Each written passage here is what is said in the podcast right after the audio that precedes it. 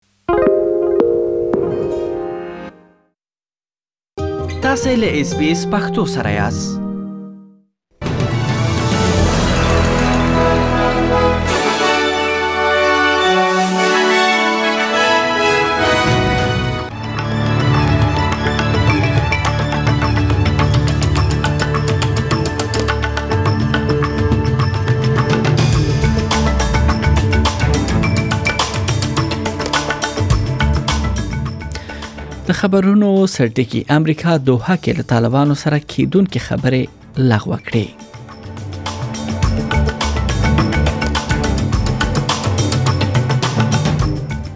بلخوا د استرالیا بیلابیلو ایالتونو کې د کرونا وایرس سپه لا اوس هم بیا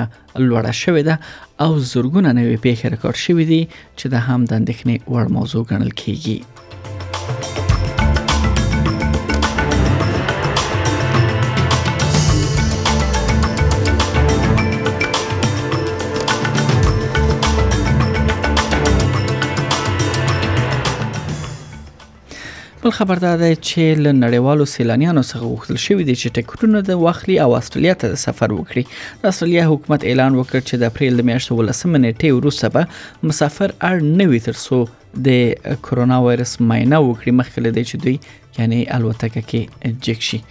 او بیا هم روسي خبردار چې د متحده ایالاتو او هم د اروپا ترمنځ یو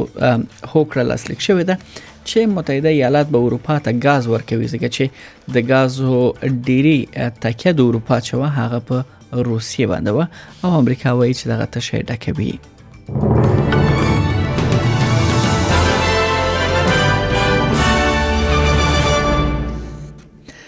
د هم بشپړ خبرونه د امریکا د بهرنیو چارو وزارت د یوې سرچینې بي بي سي ته ویل دي چې د افغانستان لپاره د دې هوا ځنګړي اساسي ټام ویس په مشرۍ دوه کې له طالبانو سره کېدونکې خبرې لغوه شوې دي یا د سرچینې ویل دي د دغه خبرو لپاره د ټام ویس ترڅنګ د افغان خزو او انجونو د حقوقو لپاره د امریکا ځنګړي اساسي رینا امری هم دوه ته تللې و امریکا وروسته له هغه د دې کتنو یعنی لغوه کولو پریکړه کړې ده چې افغان طالبانو افغانستان کې لشپګم ټولګي پورته د جنونو پر خوانځیو بندیز وغځاوه ټاکل شوی و قطر کې پر شنبه او یک شنبه امریکایي اساسو له طالبانو سره د مهمو اقتصادي مسایلو په ګډون پر ځینو موضوعاتو بحثونه کړي وای په ورته مهال رويټرز یعنی دا یعنی خبر ورکوي چې د امریکا د بهرانه چارو وزارت یعنی سرچینو له قوله ویلي دي هغه قطري الوتکه چې ټاکل شوې وه کابل ته لاړه شي او د طالبانو د بهرنیو چارو وزیر امیر خان متقي په مشرۍ پلاوی دوه ته ولېږدوي افغان پلازمې ته یعنی نه ده سول شوې بل خبر له استرالیا څخه دی په نیو ساوت ولز ایالت کې د تیرې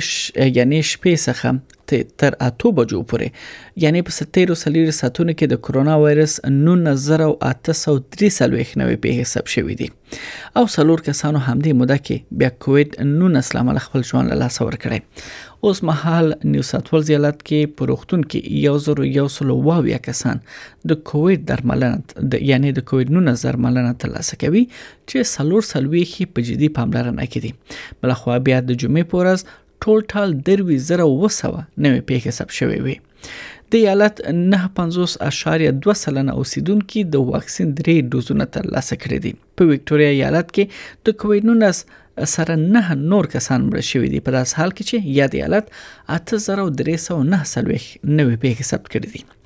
بلخوا دوه سوه پنځوس کسان په کرونا وایرس چې اخته دي دا مهال روغتون کې په یاد ایالت کې درملنه ترلاسه کوي ترلاسه کوي او بل خو تازمنیا حالت بیا د کووډ 19 1695 نوې پیښې ثبت شوې دي د اروپאי کمیسون مشره ارسولا وان دیر لاین وایي له امریکا سره د روسیې پر انرژي د اروپا د تکیه د کمولو او د هغو میلیارډونو ډالرو د بندولو لپاره چې کرملاین د تیلو له خرڅلاو څخه ترلاسه کوي دا یعنی دغه هوکړه له امریکا سره به سره ده په بروکسل کې د اروپאי اتحادیې د شورا د سرمشریز دوهم ورځ په پای کې د وینا پر مهال اغله وان دیر لاین وویل چې د هغه شراکت یعنی د امریکا د ولسمشر شراکت د یوې برخې په توګه چې د متحده ایالاتو له ولسمشر جو بایدن سره هم په دغه ګډه اعلامیه کې د خبرې شوې دي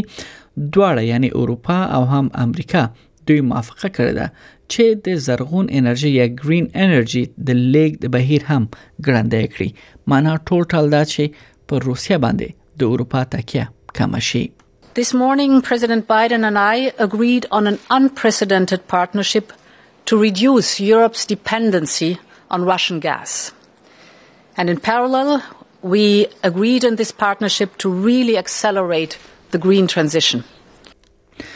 د لومړي ګام په توګه متحده ایالات به په 2022 کې اروپאי اتحادیه ته لږ تر لږه 15 میلیارډ متر مکعب مایع طبیعي غاز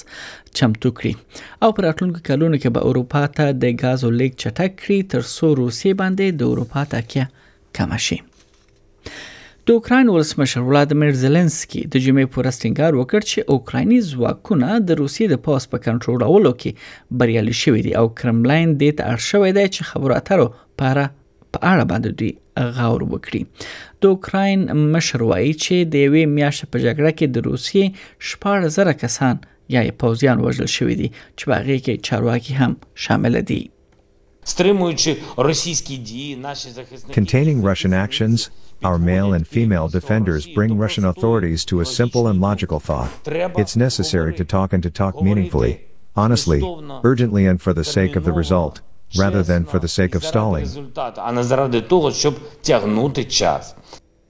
ښاغلي زلنسکي د خبرو اترو په اړه د اوکراین دریځ بیا تکرار کړی دی چې د حاکمیت او ځمکنۍ بشپړتیا په اړه ټینګار وکړ چې د موافقې شرایط باید عادلانه وي هغه همدارس د نیوګرو د پوز یو قومندان او هم د روسي زینو جګپړو جنرالانو په دغه جګړه کې وژل کېدو خبر ورکړی دی بلخوا یو شمېر هیوادونه د جمعې په ورځ شمالي کوریا لخوا د خپل تر ټولو لوی بین البرازمي بالستیک توغندي ازموینه وروسته د ملګرو ملتونو امنیت شورا څخه د یاد هیواد پر وړاندې د سختو بندیزونو غوښتنه کړې ده په متحده ایالاتو کې د ملګرو ملتونو سفیر لیندا توماس ګرینفیلد وایي چې متحده ایالات به د امنیت شورا د بندیزونو د تازه کولو او پیاوړي کولو لپاره د یو اقدام وړاندیز وکړي او دا نوې بندیزونه به یا نوې بندیزونه به سخت وي او هغه وخت سره به ورته وي چې په اصل کې په 2014 کال کې د شمالي کوریا د لومړۍ اټومي ازموینې له چاودنې وروسته پرې لګول شوی وو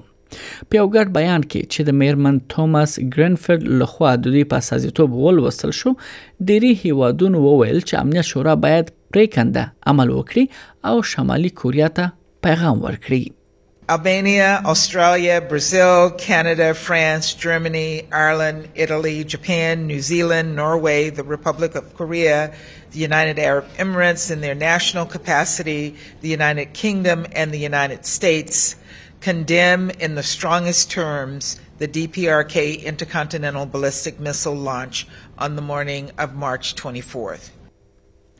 بلخوا د استرالیا حکومت له نړیوالو سیلانیانو څخه غوښتي دي چې ټکټونه واخلي او استرالیا ته سفر وکړي د استرالیا فدرال حکومت استرالیا ته سفر کولو پر وړاندې نږدې ټول محدودیتونه لري کړل او غواړي چې کرونا وایرس وبا څخه مخکې وخته بې ته وګرځي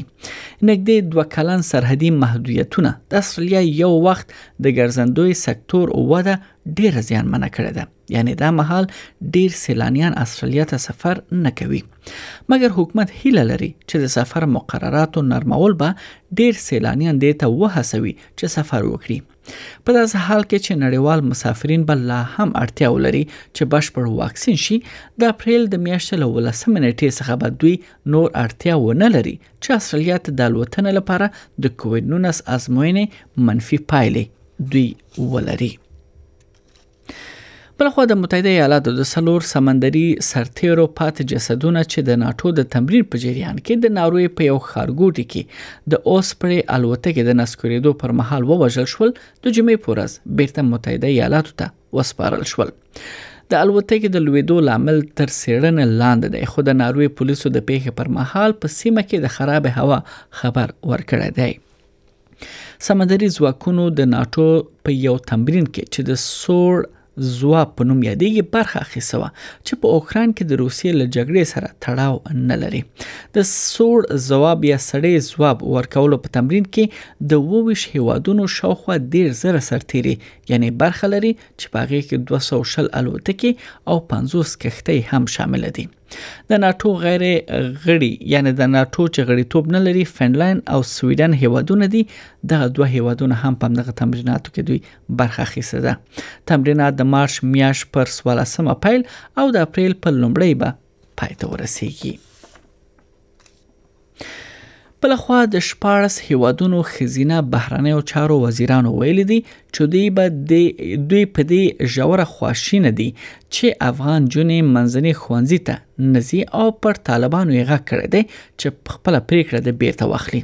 د افغانستان د طالبانو واکمنانو په ناڅاپي ډول د چهارشنبه په ورځ د شپږ کلونو څخه پورته یا د شپږ یا د شپږ کلونو او یا د شپږم ټولګي څخه پورته نجونو ته د ښوونځیو د باب پرانسلو خلاف پریکړه وکړه دا له افغانانو نړیوال ټولنې او په ټوله کې له ټولو سره د ژمنو خلاف عمل وو طالبان وایي د نجونو د ښوونځیو د پرانسلو ځندول د تخنیکی ستونزې لامل شوې دي او دا په هنه وزارت په ټول هیواد کې د زکونکو لپاره د معیاري یونیفورم په جوړولو کار کوي نړۍ د افغانستان د نویو واکمنانو په رسمیت پیژندلو کې زړه نازړه دی اندېښمن دي چې طالبان به ورته سخت اقدامات او هم محدودیتونه ولګوي په ځانګړي توګه د زکړې او هم د کار په برخه کې د خزو حقونو یعنی یا د خزو حقونه به دوی محدود کړي اول خبر دا دی چې له پاکستان څخه البته دا خبر لرو چې د پاکستان د قومي اسمبلۍ کوم چې ویان یا سپیکر ویل شو هغه هغه غونډه تر راتلونکي دوشنبه ورځ پورې ځنډول ده چې په کې تمه کېده چې وزیر اعظم عمران خان خلاف به د بې باورۍ تحریک پکې وړاندې شي تر دې وړاندې د قومي اسمبلی مرکزی دفتر د مارچ پر 23مه د غونډې په اړه یعنی 15 یعنی ټک ټک باندې دوی یو اجنډا وړاندې کړه ول اوس هم په پا پاکستان کې سیاسي حالت کړکېچن دی د حکومت مخالف ګوندونو سره لاس یو کړی دی او د لومړي وزیر عمران خان لری کولو غوښتنه کوي د د حکومت مخالف ګوند مشران ویلي دي چې چیرې د دغه پارلمان ویان د دوی دغه غوښتنه نه مني نو دی به په یعنی نورو سختو اقداماتو باندې لاس پورې کړی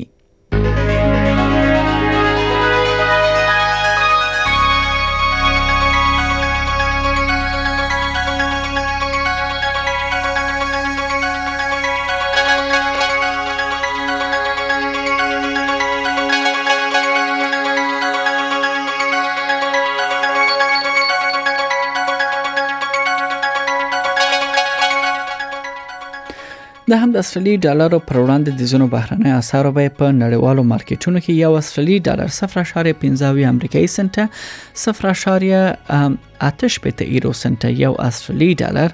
او شپږ پته افغاني روپی یو سل شپږ دیش اشاریه اتاویه پاکستاني روپی یو استرالی ډالر و 50.1 هندۍ روپی 2.15 اماراتي درهم او یو استرالی ډالر 0.55 انګلیسي پنسه ارزښت لري د هم د استرالیا د ځینو ښارونو نن لپاره د تودوخې تر ټولو لوړه درجه هغه هم د سانتیګریډ په کچه سېډني کې هوا باراني د سلیریش په ملبورن کې هوا لمریزه ده سلیریش په برزبن کې هوا باراني ده شپږ ویش په پرت کې هوا باراني ده دیش په اډلېټ کې هوا لمریزه ده تويشت په هوبر کې هوا لمریزه ده درویش په کمبيرا کې اسمان برګ دی دويش او په اخر کې ډاروین حالت د باران او د طوفان اټکل دی او د تودوخه تر ټولو لوړ درجه